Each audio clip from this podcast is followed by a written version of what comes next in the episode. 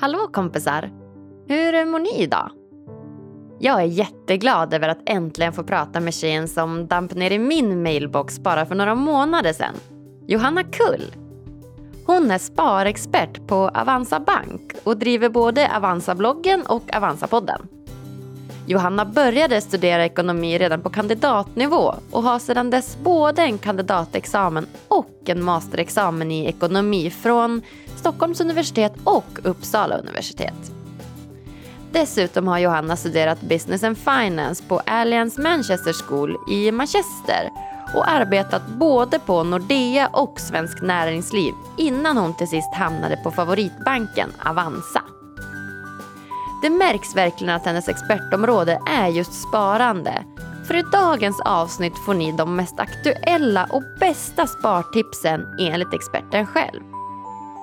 Och efter en kraftig nedgång på börsen nu i och med corona så pratar vi om hur framtiden troligtvis kommer att se ut. Vilka bolag man bör investera i idag. Hur börsen kommer påverkas av eventuella släpeffekter och de vanligaste misstagen man bör undvika när man ska börja spara. Ja, jag satte igång ett nytt månadssparande direkt efter jag och Johanna hade pratat. Och jag hoppas att ni ska få samma inspiration som jag fick. Jag heter som vanligt Agnes Sjöström och den här podden presenteras i samarbete med hypnotication.com. Varsågoda!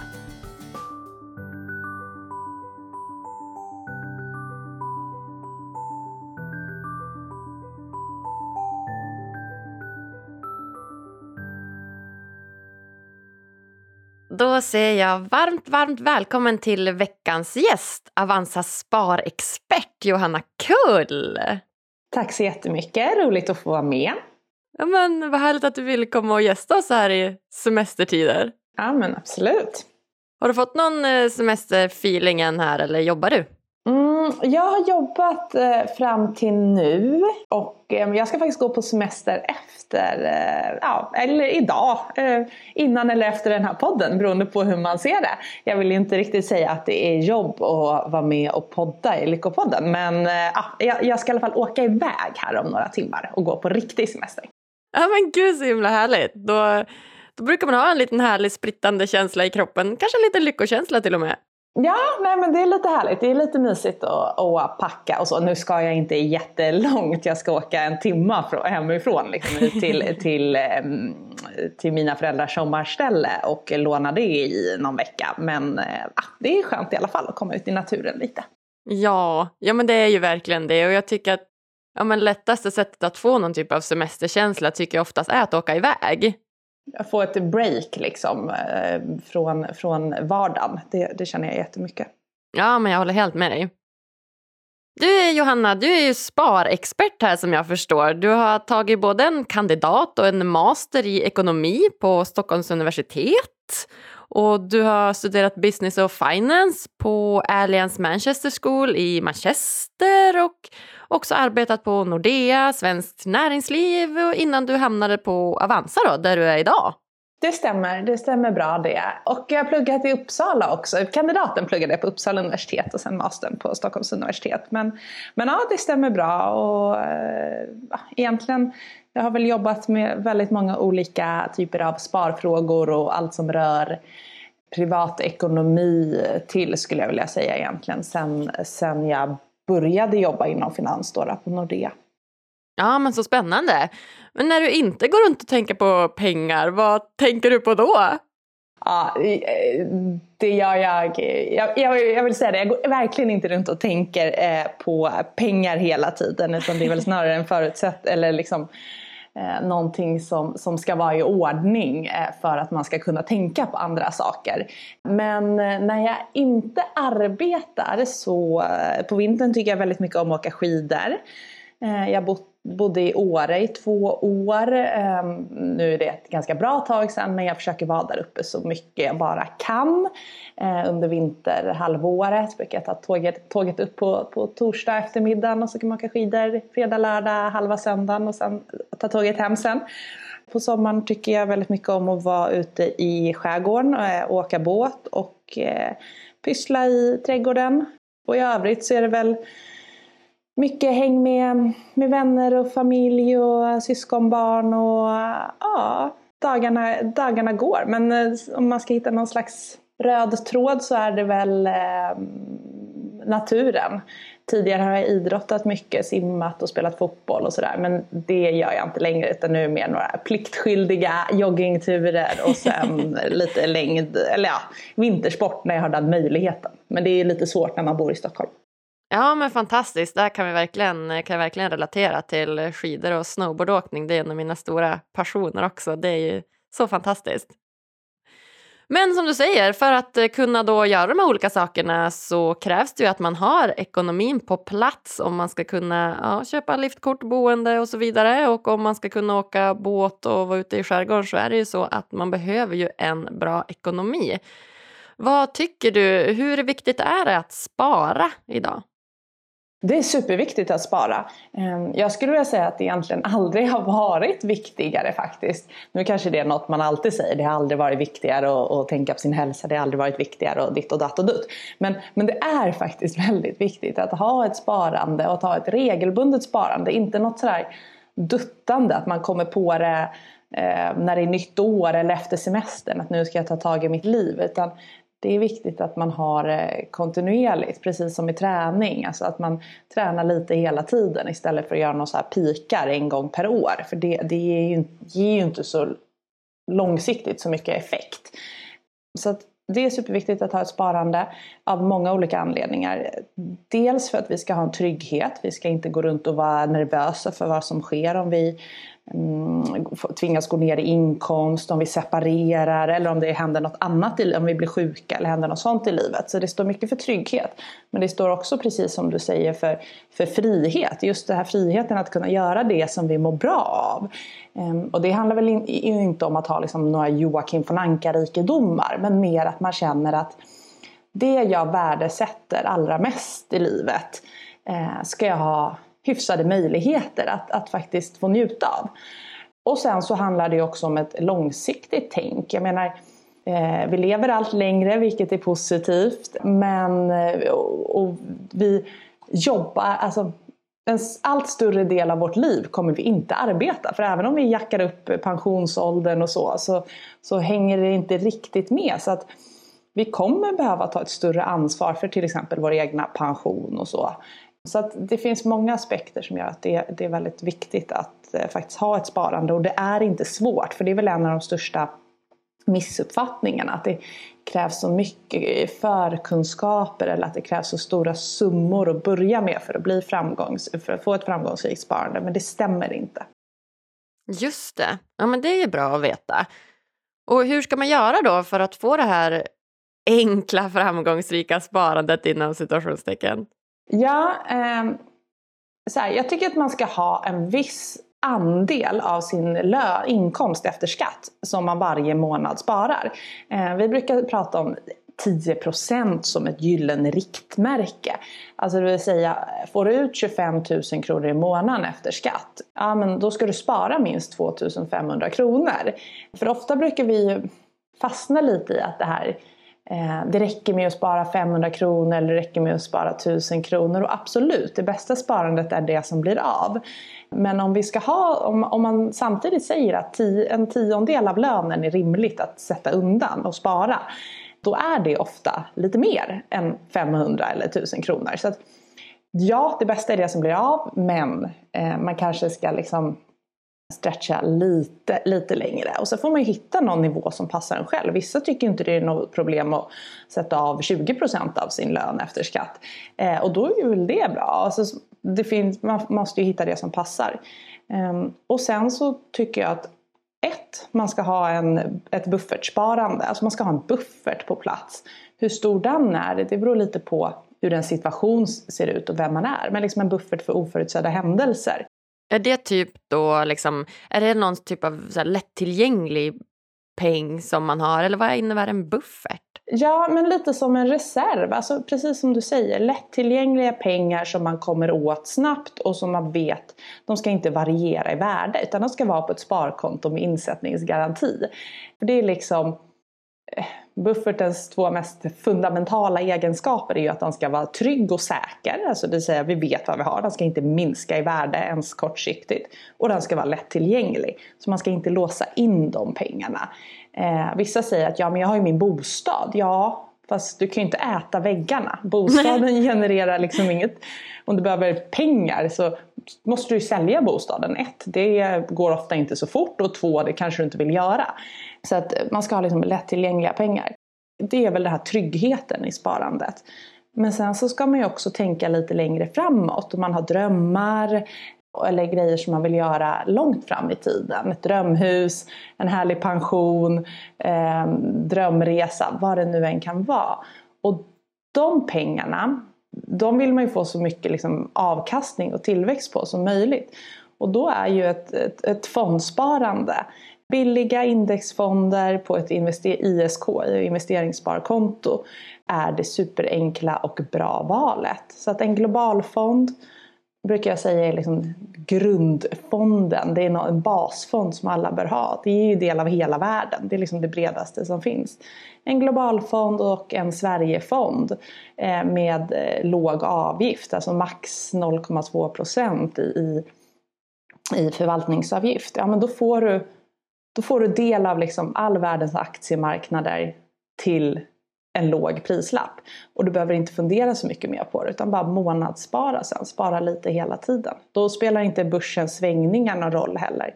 Jag menar börsen svänger och ibland läser vi rubriker om att nu, nu rasar börsen.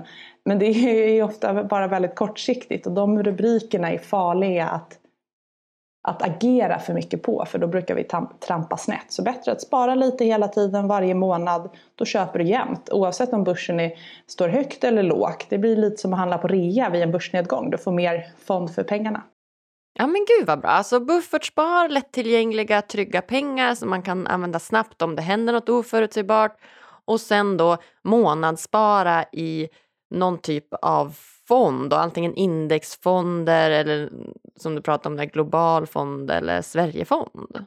Precis, precis. En global fond och en Sverigefond med låga avgifter. Då är det sådana här indexfonder. Och så har de på ett investeringssparkonto, ISK. Då är man liksom home safe. Då har man ett bra sparande. Det är inte svårare än så. Sen kan man, sen kan man koppla bort det och bara den 25 så gör man sin automatiska överföring, köper de här fonderna och, och sen låter man tiden göra jobbet. Mm. Ja men så himla bra, det ska jag verkligen ta efter. För jag, jag själv har ju, eh, pluggar ju nu så att jag har ju inte jättemycket pengar över varje månad alls. Men, men eh, ska nu ändå börja sätta in kanske ja, men några hundralappar då i vart fall. Så att eh, jag får iväg dem så att jag inte kan använda dem. Ja men det, alltså, det är superbra för det, det är det där om man om man gör det direkt. Så, och, och då är det ju så här, man ska utgå från, från inkomst. Och, och det blir, om man gör det direkt så anpassar man ju sen konsumtionen efter sparandet istället för tvärtom. Och man behöver inte tänka så mycket på det. Men om man låter, om man säger så här, men vi får se, nu lever jag på den här månaden så får jag se vad jag har kvar i slutet och så sparar jag det. Då är det liksom en stor risk att det inte är så mycket kvar. Att det är lite för mycket månad kvar när, när lönen är slut. Ja, det där är ju en klassiker. Ja, och det är ju naturligt. Så då är det bättre att bara säga, ja men nu tar jag bort det där på en gång. Tjuff. Det är samma sak som att jag som inte tycker det är superkul och och, och träna. Alltså jag gillar att vara ute i naturen men jag, jag är lite så slarvig. Med, jag är dålig på att gå till gymmet och göra allt sånt där. Men då kan jag ibland känna så ah, men gör jag det direkt på morgonen, tjoff, då är det borta. Eller gör jag det så här måndag i början på veckan, då kan jag ta bort det sen och så får jag mm. leva på hur jag vill ja, sen. Alltså, ja. man, får, mm, ja, man får anpassa sig. Ja men verkligen, verkligen. Om man ska dela upp ekonomin lite då. För jag som har, eh, jag har ju köpt och sålt hästar, så jag har haft ett eget företag inom hästnäringen där ja, men dels så utbildade jag andras hästar och dels så köpte jag och sålde lite hästar. Och då kan man ju få ganska stora klumpsummor på en gång. Så jag tänker att om man har de här klumpsummorna så har jag, jag har en tanke om att så här, ja, men så här mycket ska jag använda till att köpa en lägenhet och så här mycket ska jag använda till resande och så här mycket ska jag använda till det här och det här. Men om vi tänker rent det här långsiktiga lägenhetssparet. Vad är det bästa att göra av de pengarna? långsiktigt sparande, alltså om det är över säg två år, eh, två, två, mer än två, tre år bort i tiden. Ja, men då, då är det ju sannolikt bäst att placera de pengarna på börsen. Alltså i, eh, i aktier eller aktiefonder. Och då är ju aktiefonder det, det, det enklaste. Det, det, jag brukar säga att fonder tycker jag är det som passar allra flest. Och då, då kommer det variera i värde. Vi har bara den här våren eh, 2020 sett hur börsen kraschade ordentligt där i slutet på februari fram till mitten på mars. Sen mitten på mars fram till där vi befinner oss nu i juli så har det varit en remarkabel återhämtning. Börsen är upp över 40 procent sen botten. Och vad säger det här? Jo men det säger att ett sånt här sparande svänger i värde. Det varierar väldigt mycket. Men över tid så är det det som har gett absolut bäst avkastning. Eh, 7-8% per år i genomsnitt. Eh, inte varje år men ehm, i genomsnitt. Så att är det ett lägenhetssparande liksom, några år framåt.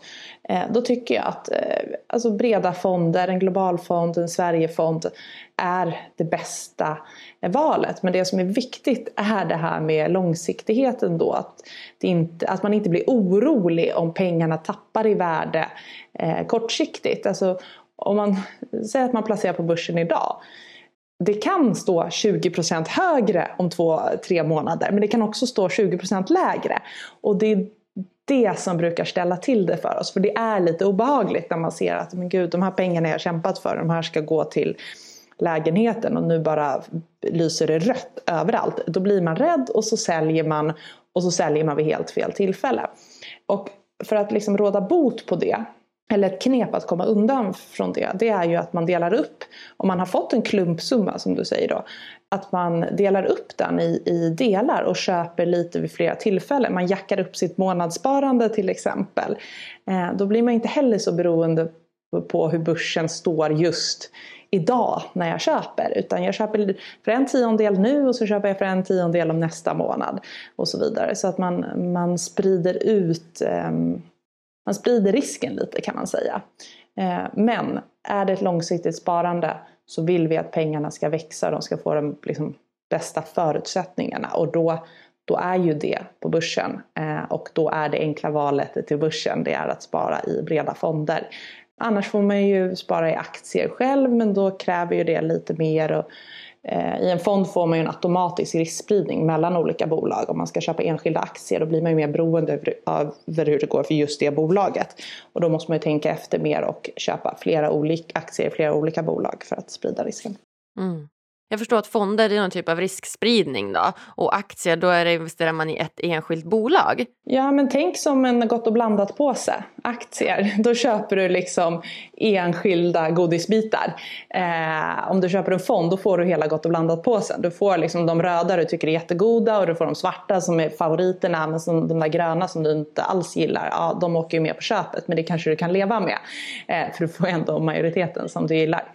Ja men perfekt, det ska jag verkligen komma ihåg. Gott och blandat på sen, det var ju jättebra.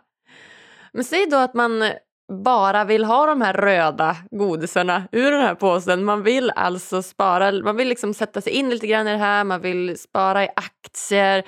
Vilka typer av aktier bör man spara i? Vilka ser du långsiktigt kommer gå bra? Jag gillar investmentbolag väldigt mycket. Investmentbolag det är ju bolag som har som affärsidé att äga och, och driva, äga och vara drivande i andra bolag. Eh, vi kan ta börsens största investmentbolag Investor som exempel. Investor, eh, det är den populäraste aktien hos Avanza. Fler än 100 000 av våra kunder som, som, är aktieägare i Investor. Och vad gör då Investor? Jo men det är ju ett ägarbolag. Det är familjen Wallenberg som kontrollerar det. Och de äger ju flera andra stora svenska bolag. Eller har stora ägarposter i bolag som till exempel SEB, Ericsson, ABB, alltså en hel rad av de här välkända svenska eh, storbolagen. Eh, så när man köper aktier i Investor då får man ju det här på köpet. Och dessutom äger de lite mm, onoterade bolag, det vill säga bolag som inte är noterade på börsen. Och Investor är bara ett exempel av flera. Det finns många investmentbolag. Vi har Latour, vi har Kinnevik, Industrivärden, Lundbergsföretagen. Ja, det finns en hel rad. Men jag tycker att investmentbolag är väldigt bra eh, bas i portföljen. Just för att man får lite av den här automatiska riskspridningen. Man tar också rygg på liksom erkänt duktiga förvaltare som har varit eh, framgångsrika historiskt sett. Investmentbolagen som grupp har slagit börsindex, alltså snittet på börsen, eh, egentligen under alla tidsperioder man kan mäta. Eh, så att investmentbolag tycker jag man eh, gärna kan ha ett par olika. Um, inte, det är, jag brukar säga att det är nybörjaraktier men jag måste nog sluta säga att det är bra nybörjaraktier för att det är bra för, för alla. Liksom. Um, så det tycker jag. Um, sen tycker jag att ehm, man kan kika, uh, kika runt lite över liksom, om man är relativt ny på det här med aktier tycker jag man ska hålla sig till de bolagen som är, som är lite större, som är noterade på Stockholmsbörsen som man säger och inte på någon, på någon alltså som är på Stockholmsbörsen är liksom en stora handelsplatsen i Sverige och de har en large, eh, mid och small cap lista lite beroende på, på storlek på bolagen som, som handlas där. Eh, men då kan man kika på på, på en rad olika bolag som man tror lite extra på i spännande branscher man bör börja med bolag som, som faktiskt har en bevisad etablerad affärsmodell som, som, som de tjänar pengar på.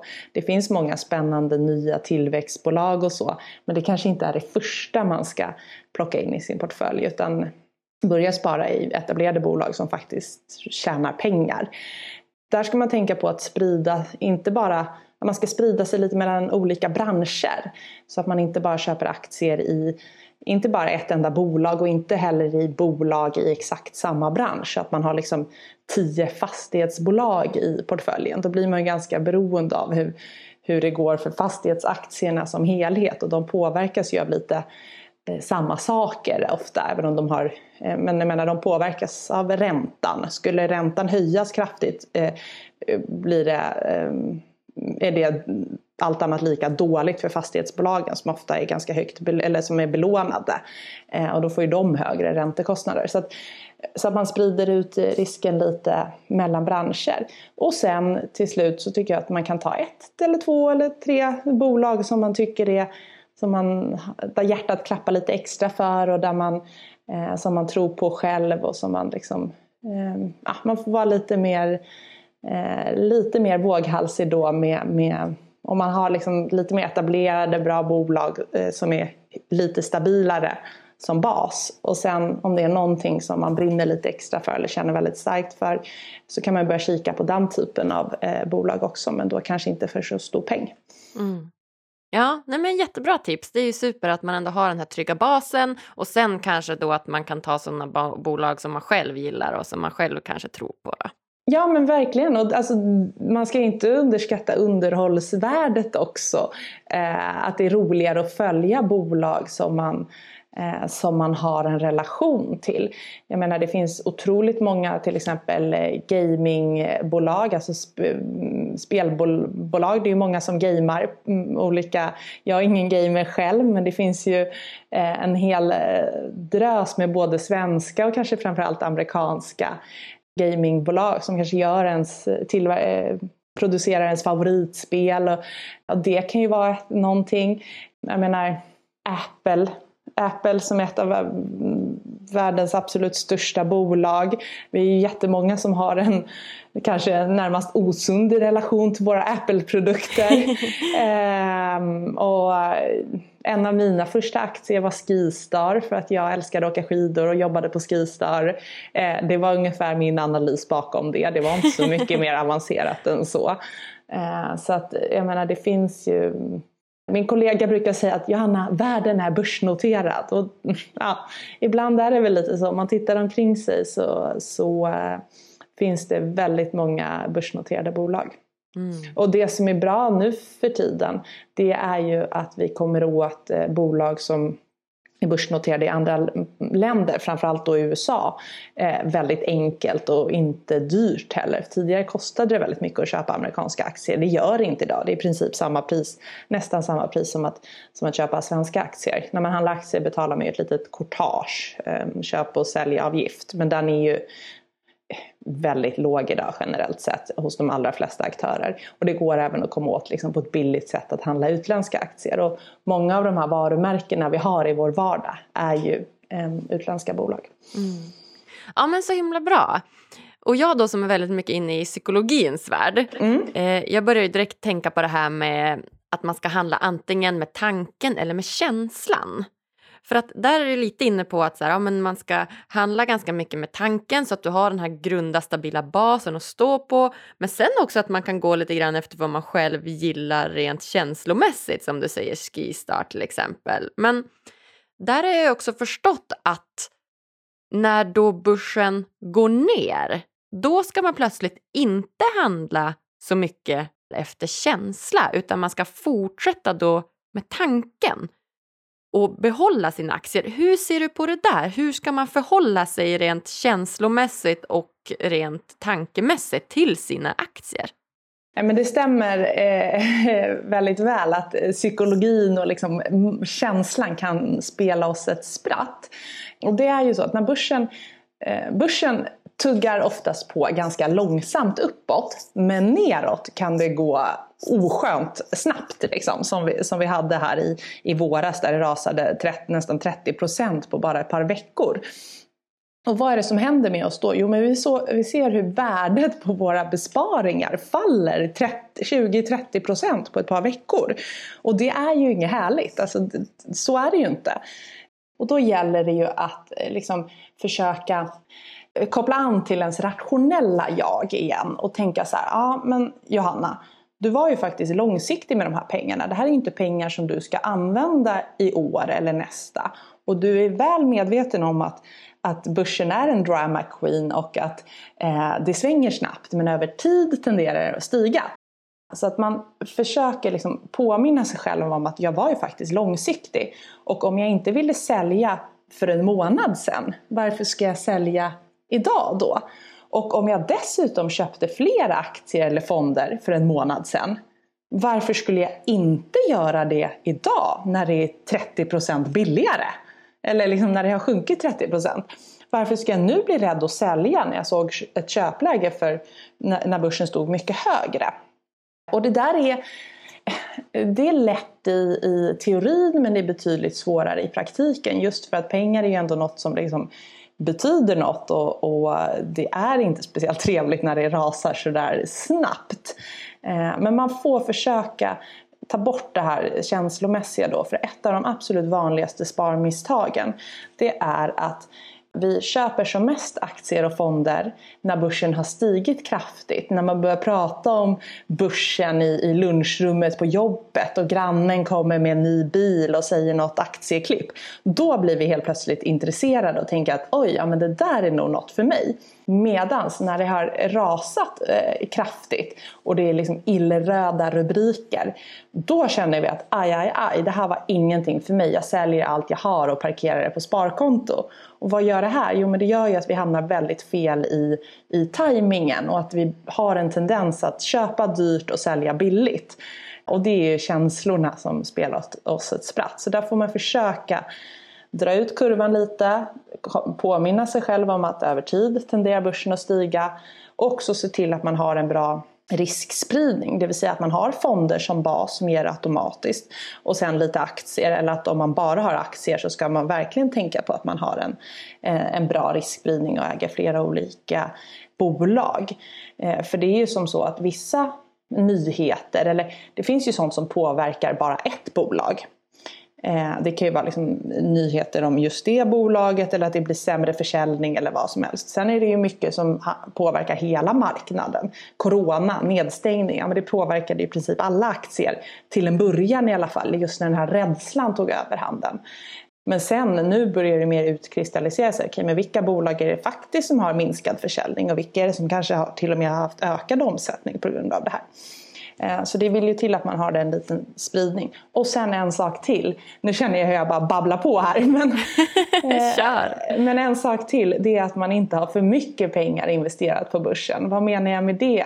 Jo men det är ju att du ska ju se till att du har den här bufferten och att du inte är beroende av mm, börspengarna så att säga. För att om de är lite mer frikopplade och du har, du har din stabila privatekonomi, du får din lön eller din inkomst, du har en buffert för oförutsedda händelser. Då kan du liksom glömma bort det som sker i fonderna eller i aktieportföljen. Ja men den är jättebra. Så att man liksom försöker frikoppla sig lite grann från de här investeringarna man gör på börsen och att man har den här trygga basen då på sitt vanliga konto, lättillgängliga pengar där. Ja men verkligen. Din vardag ska liksom inte påverkas av om Stockholmsbörsen går upp eller ner. Vill du stärka din självkänsla, sova gott och må bättre? Då borde du testa vägledd självhypnos. Det enda du behöver göra är att lyssna, slappna av och följa instruktionerna. Gå in på hypnotication.com och hitta dina favoriter idag. Ange koden LYCKA för 15 rabatt på hela köpet. Jag tänker att vi ska gå in lite grann på det här med coronan nu, för det är ju nog ingen som har missat att vi har haft en rätt kraftig nedgång på börsen i samband med det. Och eh, arbetslösheten ökar och folk kanske inte kommer ha råd att bo kvar och så vidare och så vidare. Det finns ju många konsekvenser. Men trots det så verkar det som att marknaden har återhämtat sig ganska bra, som du säger. Eh, vad tror du? Tror du att det kan finnas någon typ av släpeffekt? Alltså att börsen kommer gå ner om ett tag igen på grund av till exempel arbetslöshet eller att folk liksom behöver använda det här sparandet och så vidare. Hur, hur ser du på framtiden? Alltså om någon hade sagt till mig i mars att Eh, när du sitter och poddar i mitten på juli då kommer Stockholmsbörsen vara plus minus noll sen årsskiftet. Då hade jag nog känt att mm, ja, det, det tror jag nog inte riktigt. Men det var ju då när det såg som, som absolut mörkast ut och, och det hade rasat som sagt 30% på, på bara några veckor. Sen dess har det varit en remarkabel återhämtning som jag tror beror på flera olika faktorer. Dels väldigt mycket att börsen är framåtblickande. Man, man ser bortom 2020 och tänker att ja, men ekonomin kommer ta fart igen och så. Eh, vi har också haft otroligt stora stimulanser, alltså centralbanker och regeringar över hela världen som pumpar ut pengar i systemet och någonstans måste de här pengarna ta vägen och det finns inga räntor idag och då tenderar de investerare att placera pengarna på aktiemarknaden vilket driver upp aktiekurserna. Men eh, till din fråga om jag ser en risk med någon slags släpeffekt? Ja, det gör jag. Det kan mycket väl vara så att börsen tappar lite fart här igen under sommaren eller eh, mot slutet av sommaren om vi, om vi ser att det blir utökade nedstängningar i USA till exempel eh, för att de inte riktigt får kontroll på, på virusspridningen. Långsiktigt så är det absolut som så att om arbetslösheten i Europa och USA biter sig fast på en hög nivå ehm, så kan det absolut få, få effekt. Men det finns alltid risker. Eh, oavsett vilket år vi pratar så kommer det alltid finnas risker till att börsen ska tappa fart igen. Ehm, så att eh, ja, det finns risker. Eh, men det finns också mycket som, som talar för att, vi, att det kan bli en ganska bra återhämtning. Och man ska också komma ihåg att svenska bolag är inte bara beroende av det som arbetslösheten i Sverige. Men väldigt mycket eh, eh USAs arbetsmarknad och sysselsättningen där eh, har en enormt stor påverkan på USAs ekonomi som har en enormt stor påverkan på världens ekonomi. Kina, hur det går, eh, hur produktionen och konsumtionsviljan är där har också en enormt stor påverkan på svenska bolag och så.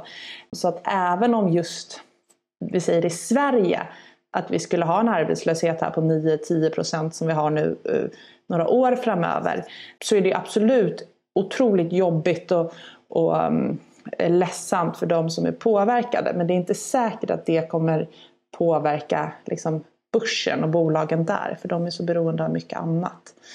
Eh, men eh, ja, det, det, finns en risk men det gör det alltid. Mm. Många förutspår ju en ny börskrasch här snart. Vad tror du om det? Nej, det tror jag inte. Eh, alltså börskrascher kommer inte så ofta. Vi får nedgångar på börsen eh, på kring 10% till exempel. Det får vi nästan årligen. Alltså från, att börsen går ner 10% från toppnivån under året till, till liksom bottennivån. En sån eh, korrektion som man kallar det, det brukar, det brukar komma varje år. Eh, och det har det ju absolut gjort i år. Sen har vi gått, eh, tagit tillbaka det igen. Eh, men de här krascherna på över 20, 30, 40 procent. De är ganska sällsynta. Vi hade en nu, vi har haft i finanskrisen, IT-kraschen. Men det är ju inte så att det kommer liksom varannan månad. Och det jag tror nu det är att i och med att hela världen påverkades av corona eller påverkas så har vi sett väldigt koordinerade insatser från, från centralbanker, Federal Reserve i USA, ECB i Europa, Svenska Riksbanken. Vi har sett regeringar som kommer med stödpaket och eh, möjlighet till korttidspermittering och så vidare. Eh, så att det är väldigt mycket, alla, alla liksom jobbar åt samma håll. Och dessutom eh, funkar det finansiella systemet med banker. Vi har välskötta banker idag. Det har vi ju haft i Sverige under en längre period men det var ju det som var mycket problemet i, i USA och Europa under finanskrisen till exempel. Där är vi inte idag utan vi har lärt oss eh, väldigt mycket. Så jag, jag, tror inte på en börskrasch. Och skulle det komma en börskrasch, ja men då tycker jag då ska man absolut påminna sig själv om Okej, okay, det vanliga misstaget är att man slutar att spara när börsen går ner och man börjar att spara när börsen går upp. Nu ska jag göra precis tvärtom och köpa lite mer i den här kraschen eh, och på så sätt få ett liksom, bra ingångsläge. Mm. Ja men gud så himla bra tips. Det där ska jag också verkligen ta med mig. Att så här, göra tvärtom. För det tycker jag att många, eller alla egentligen, mönster och rutiner man har i livet så gör man ju ofta samma sak och då får man ju ofta samma resultat. Så att just den här utmaningen att göra tvärtom i alla situationer i livet. Det kan vara i relationer, det kan vara i ekonomi, det kan vara i familjen.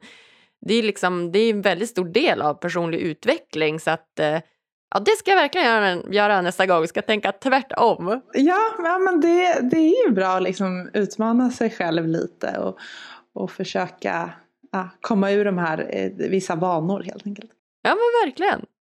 Så vad rekommenderar du liksom den gemene svensken att göra med sina pengar idag? Är det att fortsätta spara? Det är att fortsätta spara. Först är det att ta kontroll över ekonomin genom att så här, ja, men, gå igenom ett par månaders eh, eh, transaktionshistorik och, och, och, kategorisera vad lägger jag egentligen mina pengar på? För då kan det ofta dyka upp en del så utgifter som, som vi kanske inte riktigt har tänkt är, är det vi, vi lägger pengar på. Vi har ju en del, hel del så här slentrianmässiga utgifter som kanske känns ganska små men it all adds up och i slutändan kanske det är vissa saker som vi lägger pengar på där vi egentligen inte tycker att det genererar så stort värde. Jag, jag, tyck, jag tycker absolut inte man ska sluta med den här, man brukar ofta säga, ah, den där kaffelatten från, från, som du tar to go på väg till jobbet, den under ett år kostar den dig x antal tusen och så. Ja, så kan det ju vara, men om den här kaffen på morgonen på vägen till jobbet är liksom en underbar start på dagen för dig, ja men då kanske den är värd 30 kronor. Eh, då är det väl inget man ska ta bort. Men däremot om man har liksom tre olika streamingabonnemang eh, och man aldrig kollar på en enda serie, ja men då kanske den 500-lappen i månaden är totalt onödig. Att det bara, man har bara signat upp sig på massa olika och inte riktigt tänkt på det. Eh, alltså att hitta de där eh, utgifterna som faktiskt inte genererar något värde och spara utgifterna som, som genererar dig värde. Börja där och sen då det här med sparandet. Utmana dig själv lite, välj en nivå, nivå det här ska jag spara varje månad eh, och se till att det, det verkligen blir av. Och ta liksom hela coronavåren som en påminnelse över hur hur fort det svänger i hockey och hur fort förutsättningarna kan ändras. Och hur skönt det då är att ha en, en trygg ekonomi som gör att man i alla fall får lite liksom man kastas inte ut på djupt vatten direkt utan man har, man har en viss liksom, krockkudde. Ja. ja, men så himla bra. Det är verkligen, ja, jag tar med mig så mycket av det här och det känns verkligen som att jag kommer också få lite ordning på min ekonomi här efter det här. Tack! Ja. Och sen sådär för det långsiktiga sparandet, gör det inte svårare. Alltså, indexfonder, det är alltså aktiefonder som, som bara följer ett index. Och där är en global fond eh, det enklaste alternativet. Ger, ger del av hela världens tillväxt. Du får liksom amerikanska techjättarna. Du får lite tyska, indu, tyska bilbolag, du får svenska skogsbolag. Du får lite av i princip, i princip hela världen. Och eh, du får det till en låg avgift. Och du kommer få en bra avkastning över tid, bara du är uthållig och eh, har lite tålamod. Så att eh, en global fond med låg avgift och gärna också en, en Sverigefond så får man lite extra av svenska välskötta bolag, för vi har väldigt många välskötta bolag i Sverige. Så det är inte svårare än så. Har man det, då har man ett bra sparande. Mm. Ja men så himla bra. Hur ser ditt egna sparande ut Johanna? Hur ser dina buffertkonton yeah. ut och vilka fonder investerar du i och så? Ja, men jag, ehm, jag bor i en bostadsrätt så jag har ju bostadslån och amorterar ganska mycket ehm, varje månad. Eller mycket och mycket, men ja, i enlighet med amorteringskravet. Sen har jag en buffert för oförutsedda händelser. Tvåsiffrigt, tresiffrigt eller hur stor är den? Ja, alltså den är, den är inte jättestor eh, med tanke på att jag inte har barn själv. Jag bor i bostadsrätt eh, så jag bor inte i ett hus där liksom varmvattenberedaren kan gå sönder. Jag har ingen bil. Eh, så att jag, jag, tycker att, och jag har ett eh, jobb som jag är trygg med eh, i att jag inte kommer eh, bli av med det. I, i, sådär. Så att den är, den är inte jättestor. Det ska jag inte säga. Det är väl ungefär så att jag skulle, av bara den skulle jag klara någon månads eh, fasta utgifter, två, tre månader. Eh, eh, två kanske. Eh, men sen så har jag ju det som jag tycker är roligt, är att jag har hälften av mitt månadssparande, då, mer långsiktiga sparande, det går till, eh, till en fondportfölj som jag har på ett investeringssparkonto där jag sparar i lite olika fonder en globalfond, en svensk småbolagsfond och sen två olika teknikfonder för jag vill komma åt alla snabbväxande teknikbolag som finns i världen. Så en teknikfond som fokuserar på Sverige och Norden och en eh, teknikfond som är mer globalt fokus där man får 70% amerikanska bolag eh, ungefär. Så det, det, det är halva mitt liksom, långsiktiga sparande. Och andra halvan eh, är en aktieportfölj där jag eh, äger aktier i Investor och Latour till exempel, de här investmentbolagen som jag pratade om tidigare. Jag äger aktier i min arbetsgivare Avanza, obviously Skistar då, som var en av mina absolut första aktieköp som har funnits med mig väldigt länge.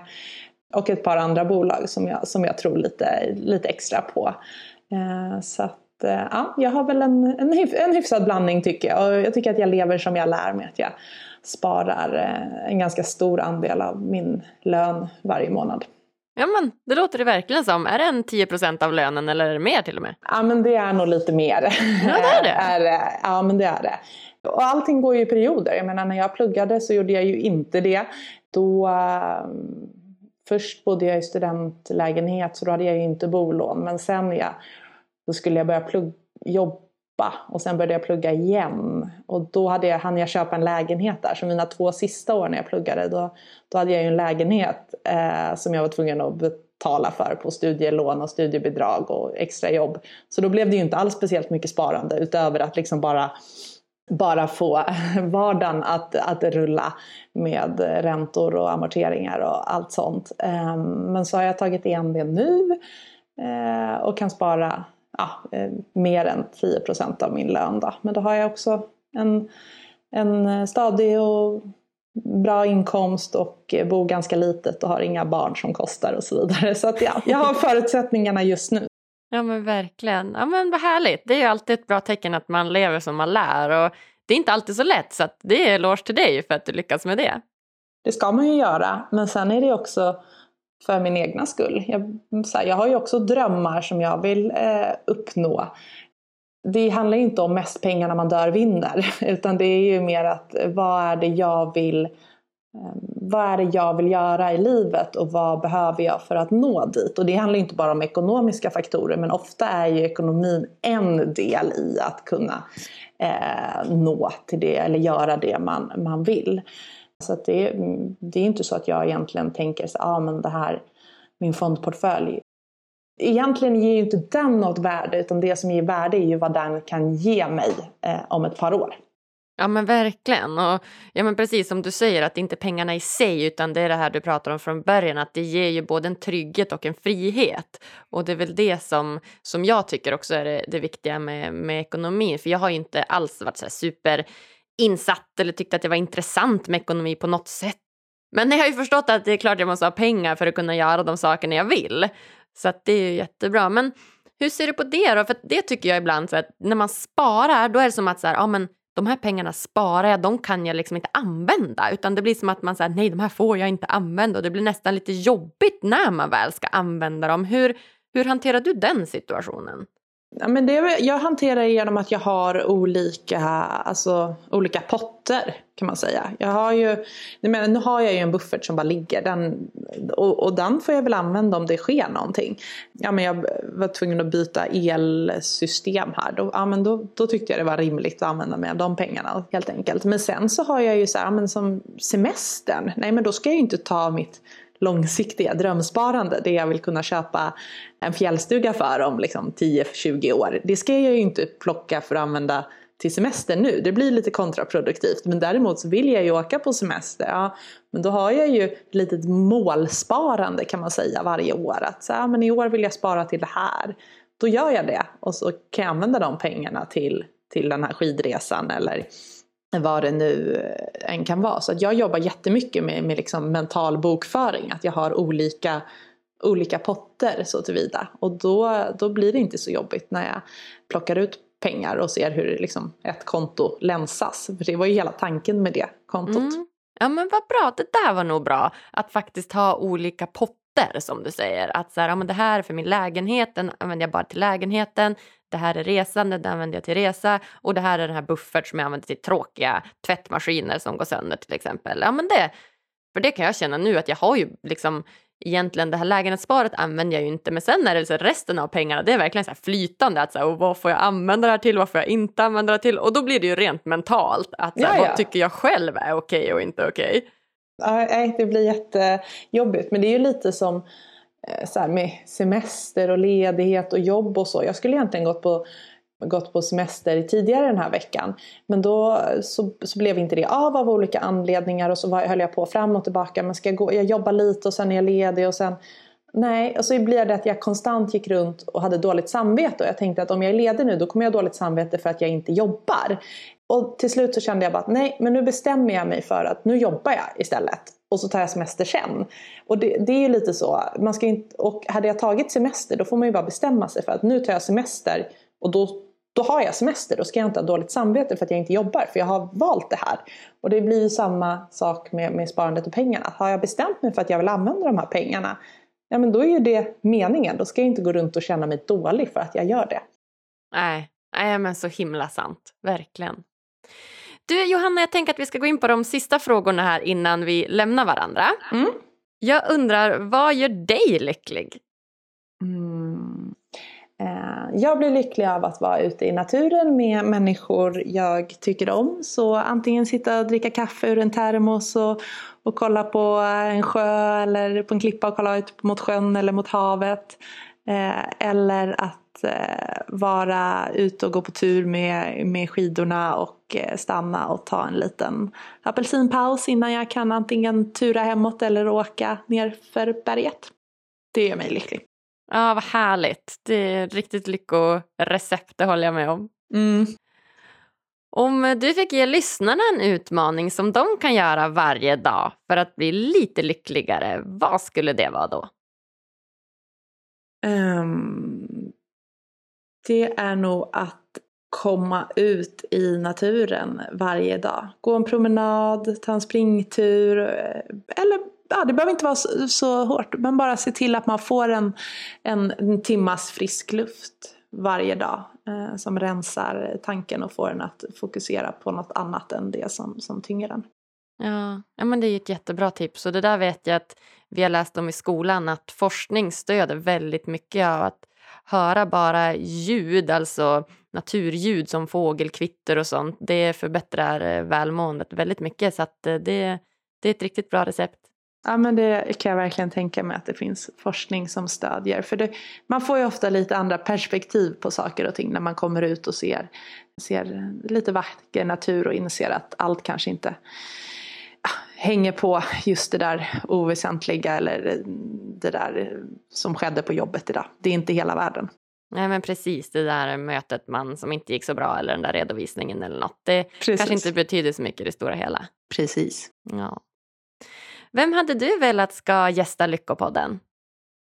Jag hade gärna velat att en sjuksköterska eller läkare som har jobbat med, med covid-19 eh, eller på, på, en avdelning som behandlar covid-19 patienter gästar Lyckopodden just för att få höra hur man hur man hittar, hittar lycka när det, är, när det var så jobbigt som det var under våren. Eh, när det var sån press och man fick jobba så mycket och eh, man säkerligen också hade en viss rädsla för, för sin egna hälsa och sin familjs hälsa och så samtidigt som man vill göra eh, ett bra jobb. Så det är någonting som jag gärna skulle lyssna lite extra på. Ja, men jättebra. Det har jag inte tänkt på. Jag har tänkt att man kan ha du vet, såna här experter, typ eh, Anders Tegnell kanske och, kompani. Men det hade ju varit jätteintressant också att höra det från rent de som tar hand om de här patienternas perspektiv. Så ja, vad bra. Det ska jag ta med mig. Ja, härligt. Ja, och Eh, om man vill komma i kontakt med dig, hur gör man då? Eh, ja, men jag finns på eh, johanna.kull.avanza.se. Jag finns på Instagram, eh, kulljohanna, nej Johanna Kull. Jag finns på Twitter, där är det kulljohanna. Eh, så att ja, men Instagram eller Twitter eh, eller mail är väl egentligen det, det enklaste. Sen så finns ju mitt telefonnummer på nätet också men eh, ja, det enklaste är väl eh, via sociala medier eller mejl. Ja men gud vad bra. Jag, alltså, jag kom i kontakt med dig första gången genom att du damp ner i min eh, mailbox. Det var ju så här från eh, Avanzas blogg kanske, eller om det var podd eller något som, och jag sparar ju Avanza ja, så då var det som att du var så här, ah, Johanna Kull, hon skriver ah. det här. Jag bara, aha, ja men det läser jag. Typ. Ah, ja, men vad roligt, vad roligt. Ja, där ja, ser man. Jättekul. ja, nej, är det något slutligen som du känner att du vill dela med dig av till lyssnarna som vi inte har hunnit eh, prata om? Mm, nej, men jag tycker vi har, vi har uh, fått med väldigt mycket. Så det var väldigt roligt att uh, gästa och uh, kul att ja, men det fick även mig att tänka på, på lite, ur, lite andra synvinklar på det här med pengar och investeringar och vad det faktiskt gör för lyckan och välbefinnandet.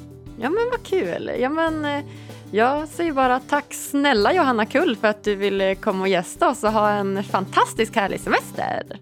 Tack detsamma, kul att vara med.